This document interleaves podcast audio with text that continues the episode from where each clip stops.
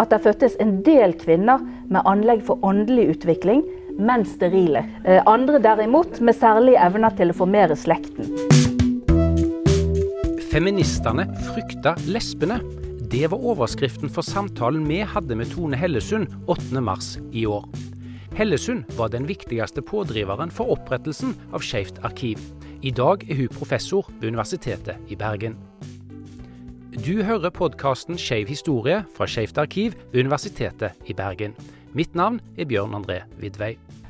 Nei, jeg tenkte kanskje at på 8. mars så kunne det også være på sin plass å løfte fram noen av de eh, spenningene og potensielt konfliktene som har, eh, har vært i feministbevegelsen opp gjennom årene. Mm. Eh, og så tenkte jeg at det kunne vært Jeg har jobbet med den første bølgen av feministbevegelsen på 1880-tallet og framover. Og også veldig interessert i den andre bølgen av feminisme fra 1970-tallet og framover. Så jeg tenkte at det kunne være interessant å se litt på likheter og ulikheter mellom de. Mm. Og så tenker jeg at dette her er jo liksom tematikker som har kommet opp igjen gjennom hele feminismens historie. Denne her redselen for å bli avskrevet som feminister fordi at man blir sett på som stygge, mannshattende, eh, mislykkede kvinner, på en måte. Mm. Og i dag på Facebook så fikk jeg eh, Der kom det jo så mye sånn 8. mars-greier, men jeg fikk også denne her, da.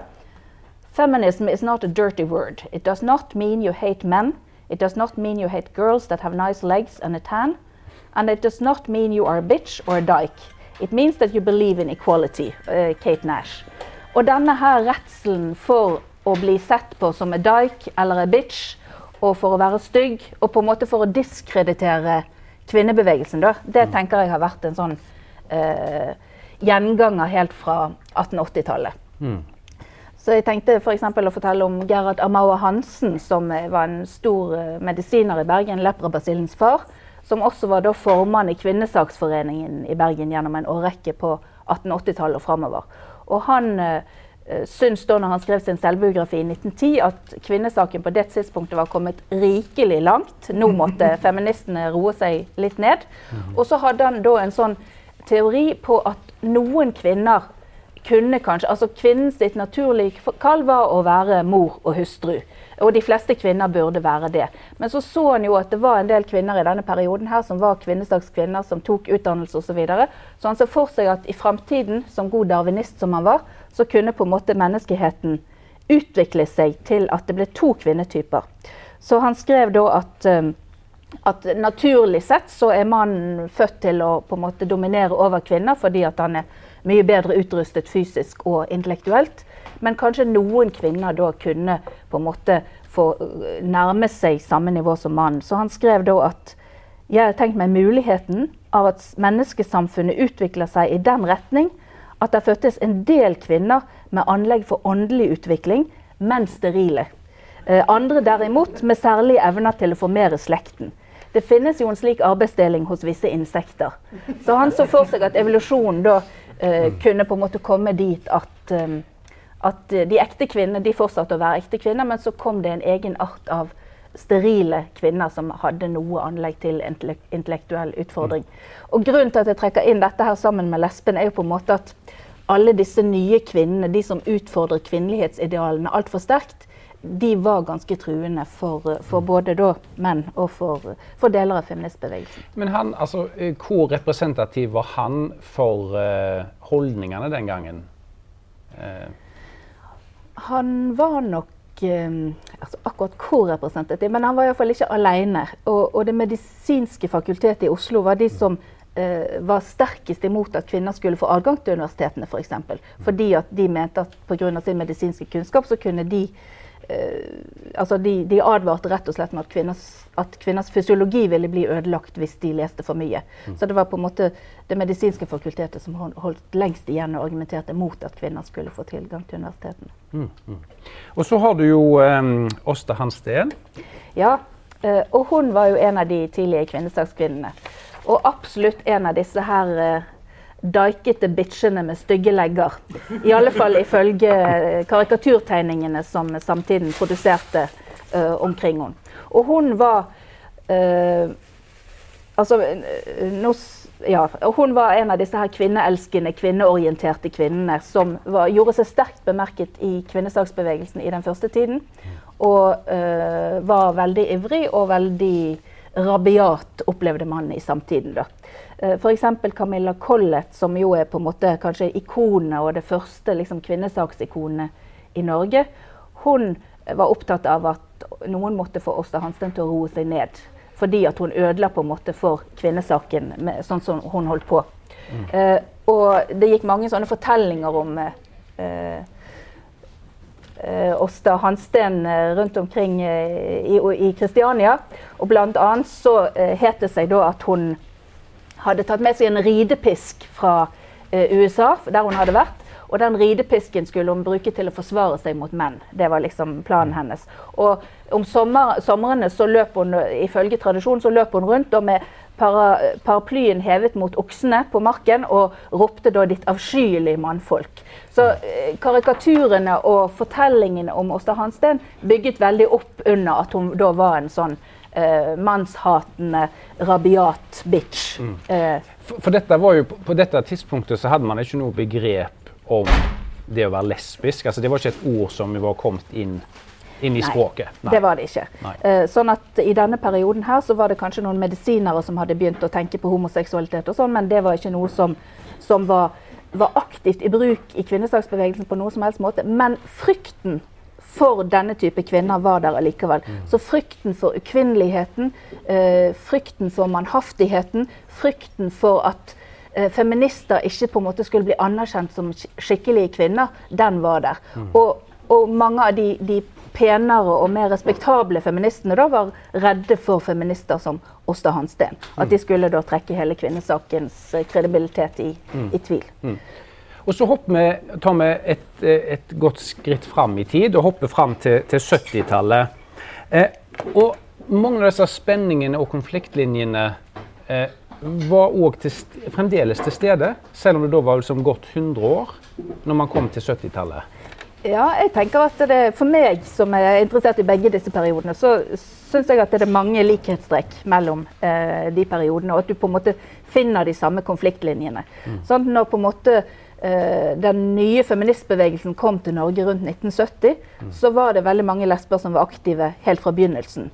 Eh, og det ble ganske snart dannet ulike feministiske organisasjoner, som Kvinnefronten, Nyfeministene, Og Rosa litt seinere osv. Og, så og mm. det var lesbiske som var aktive i alle disse organisasjonene. Mm. Uh, og så utover mot midten av 1970-tallet så begynte mange av disse organisasjonene å splitte seg opp etter ulikt politisk syn. Mm. Og det var også en gruppe lesbiske som da valgte å uh, gå ut av Nyfeministene og av Det norske forbundet av 1948, som var den store homoorganisasjonen i perioden. Og danne da lesbisk bevegelse. Kvinnehuset, Det ble startet et eget kvinnehus i Oslo i 1975.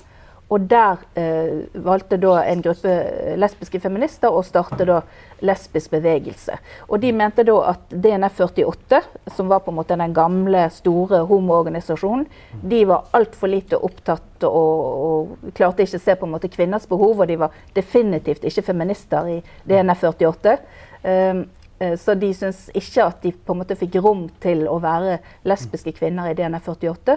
Og de følte at i kvinnebevegelsene så ble dette å være lesbisk så problematisk for mange av de heterofile feministene at det heller ikke var rom nok for å være lesbisk feminist der. Mm. Så Derfor så startet de altså en egen lesbisk bevegelse. En separatistisk bevegelse. Dvs. Si at de, det var ikke adgang for menn på Kvinnehuset, der de på en måte skulle uh, utvikle og utforske den lesbiske agendaen spesifikt. Mm. Og Når vi da eh, tenker 8. mars, som er dagen i dag, eh, så leste jeg at eh, 8. mars 78, det er jo 40 år siden i dag, så gikk det 20 000 eh, i tog. og det, eh, Vi kan jo kutte noen nuller når det gjelder dagens oppmøte, men, men det sier noe om hvor sterkt måte denne bevegelsen da sto på midten av 70-tallet. Ja, virkelig. Eh, og Siv Taule, som er masterstudent i kulturvitenskap, hun har jo nettopp skrevet en veldig interessant masteroppgave basert på mange av disse tidsskriftene som de ga ut i, mm. i uh, disse lesbiske bevegelsene. F.eks. Lavendelekspressen, som er et fantastisk magasin eh, som sier mye om hva de tenkte. Um, tenkte omkring ja, feminisme. Hva var det du spurte om? Ja, nei, det var det. Det, det, det, det de jobba med som gjorde at det hadde så bredt nedslagsfelt. Eh, som gjorde at de hadde en høydere da som vi på en måte ikke har klart å bevare. Og det er klart, 70-tallet var jo det store aktivisttiåret for, mm. for alle progressive krefter i Norge og resten av den vestlige verden. Sånn at dette var liksom eh, altså Den aktiviteten og begeistringen og den troen på forandring som du fant da, Eh, den finner du kun på 1880-tallet i tilsvarende grad. Mm. Så jeg syns det er noen sterke linjer mellom den progressive bevegelsen på 1880-tallet og på 1970-tallet. Mm. Så, så, den troen på at nå, det er nå det skjer, det er nå vi skal forandre verden, og vi er på en måte en del av verdensforandringen. Og, og om noen år så vil hele samfunnet være annerledes. Den tror jeg var veldig sterk mm. i begynnelsen på 1970-tallet. Mm. Uh, og mange av disse i lesbisk bevegelse de sluttet jobbene sine og dedikerte seg Eh, delvis på full tid til å være aktivister. De hadde deltidsarbeid og sånn, men de på en måte hoppet ut av det vanlige livet for å kunne vie seg til uh, feminismen som kampsak. Mm. Og det, vi, eh, det, er jo en sånn liten biting, da. Eh, eh, har jo faktisk historier om kvinner som, som, valgte å leve lesbisk av politiske årsaker. Kan du si to ord om det? Ja, det var jo også en sånn eh, Hva betyr det å være lesbisk? Og hvis på en måte kvinnesaken er så viktig, og kvinnesolidaritet og søsterskap osv. er på en måte så viktig, eh, bør ikke alle kvinner leve lesbisk? Og mange, eller Noen mente det, at alle kvinner burde leve lesbisk. At det var på en måte den, den riktige veien til frigjøring og til feminisme. Og så var det også en sånn eh, diskusjon innad i bevegelsen om hva det var å være lesbisk. Så Inge Aas, som var en av de aktive i lesbisk bevegelse, hun skrev f.eks. i 1980 at eh, begrepet lesbisk kan bety både det å være kvinneidentifisert kvinne, eh, men det kan også bety eh, en livsform som også inkluderer seksuelle handlinger. Og det, det siste er jo på en måte det, altså, Sant? Hun sier basically da at det å være lesbisk trenger ikke bety at du har sex med kvinner. Det at du er lesbisk, betyr at du er kvinneidentifisert. Uh, og dette var det da andre som var helt uenig i. F.eks. så var det en da i, i nummeret etterpå som skrev da at det å være kvinneidentifisert er sikkert veldig fint og bra, men det er definitivt ikke det samme som å være lesbisk. Sånn at her var det på en måte ulike definisjoner og ulike uh, forhandlinger om hva det skulle være. Både å være lesbisk, men også være en mm. god feminist. da. Eh, eh, Tida den fyker fort, eh, så vi skal ta et, eh, et lite skritt til, til, dagen i dag, eller eh, nåtiden. Eh, så er det jo fremdeles en sånn diskusjon og kontrovers innad i disse bevegelsene. sånn som til, til, til um, årets 8. mars-tog, så var det jo paroleforslaget 'Sex workers and trans rights equals feminism'. Og det ble da nedstemt. Um, hvor mye av av de konfliktene som du på en måte begynte med å skissere opp, ser vi restene av i, i dagens eh, situasjon? Altså, Dagens situasjon og de debattene som går nå, har vært til stede definitivt uh, fra 1970-tallet og framover, og også delvis fra, på 1880-tallet.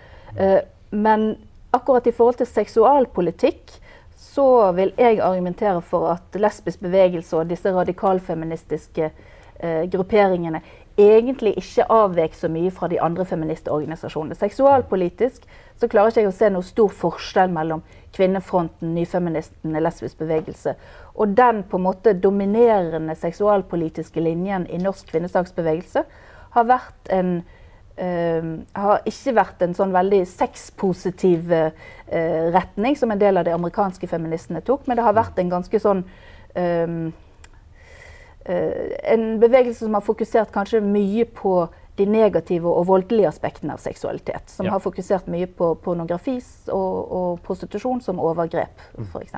Mm. Så det er det, det er det, man ser liksom på en måte res, resten Det er den linjen som har vært uh, dominerende i den norske kvinnebevegelsen, vil jeg argumentere for. Mm. Og absolutt den som, som uh, også gjenspeiler seg i, i, mange av de aktive feministorganisasjonene i dag. Mm. Eh, skal vi se her om det Er det noen som har noen spørsmål? Uh, i den relativt store forsamlingen som møtte opp i dag. Du har jo trukket det største publikummet. Det skal du ha. Til nå. Kanskje det som, som 8. mars, at vi har toppen i dag. Det hadde vært passende. Ja? ja, jeg har et spørsmål. for Jeg ble litt nysgjerrig når du nevnte det der med at uh, den seksualpolitiske linja i uh, kvinnebevegelsen i Norge har på en måte fokusert på eh, prostitusjon og pornografi og overgrep og veldig masse av de voldelige sidene med seksualitet. Og så lurte jeg bare på om du på en måte syns det hadde vært bedre om man hadde òg med det sexpositivistiske eller um, på en måte andre innspill, da. Ja, da må jeg hoppe ut av forskerrollen i så fall, da. Eh, så, men, men jeg, ja.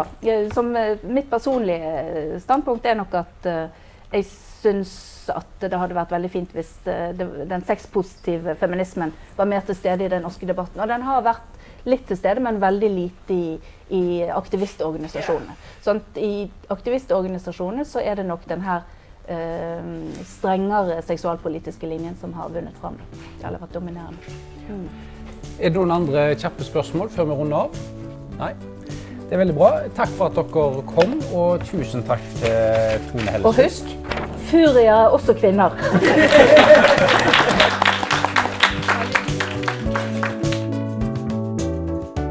Du har hørt på podkasten Skeiv historie fra Skeivt arkiv ved Universitetet i Bergen. Husk å abonnere for å få med deg alle episodene.